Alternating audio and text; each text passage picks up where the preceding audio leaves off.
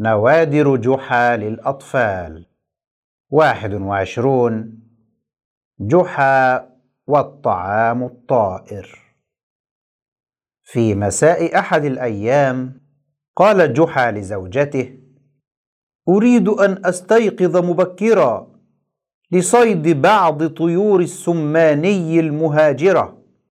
قالت الزوجة حقا في مثل هذه الأيام من كل عام تهاجر طيور السماني وتعبر فوق بلدتنا. كم اشتقت إلى لحمها اللذيذ.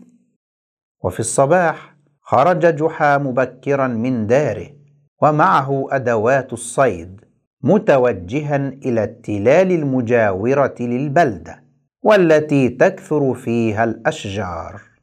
صعد جحا فوق الأشجار وفرد شباكه بينها وربط أطرافها بإحكام وجلس على غصن شجرة في انتظار الصيد. بعد قليل اصطدم طائر السمان بالشباك فسقط على الأرض فالتقطه جحا. وهكذا حتى إذا أتى الليل كان جحا قد صاد كثيرا من السماني.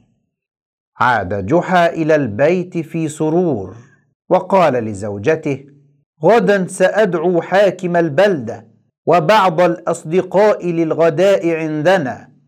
وفي اليوم التالي قام جحا بتنظيف الطيور جيدا ثم وضعها جميعها في إناء به ماء فوق النار. بعد قليل نضجت الطيور فأخرجها جحا من الإناء وقام يحشو كلا منها بالأرز المسلوق ثم أعادها إلى الإناء وقال لزوجته الآن سأذهب لدعوة الأصدقاء.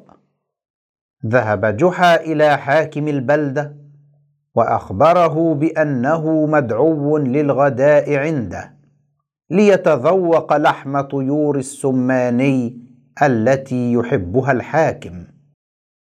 فرح الحاكم بهذه المفاجأة وقام متوجها إلى بيت جحا. وبينما كان جحا يدعو الأصدقاء للغداء عنده تسلل أحدهم إلى بيت جحا ودخله خلسة في غفلة من زوجته وكان يحمل كيسا.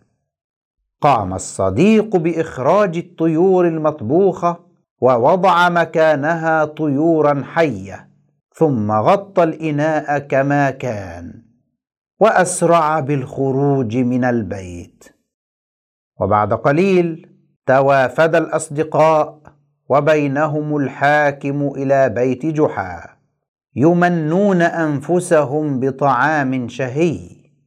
جلس الجميع على المائدة وأخذ جحا يضع أمام كل منهم اطباقا فارغة قائلا ما هي إلا لحظات حتى يكون أمامكم أشهى طعام مطبوخ بيد جحا. ثم أسرع جحا وأحضر الإناء الكبير ووضعه فوق المائدة وما إن رفع غطاء القدر حتى اخذت طيور السماني ترفرف وتطير بين دهشة الجميع.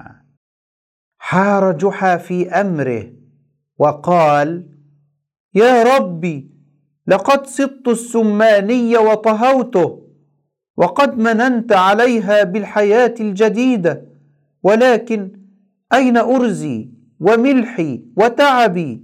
هذا ما أسأل عنه. هذا ما يحيرني أمره.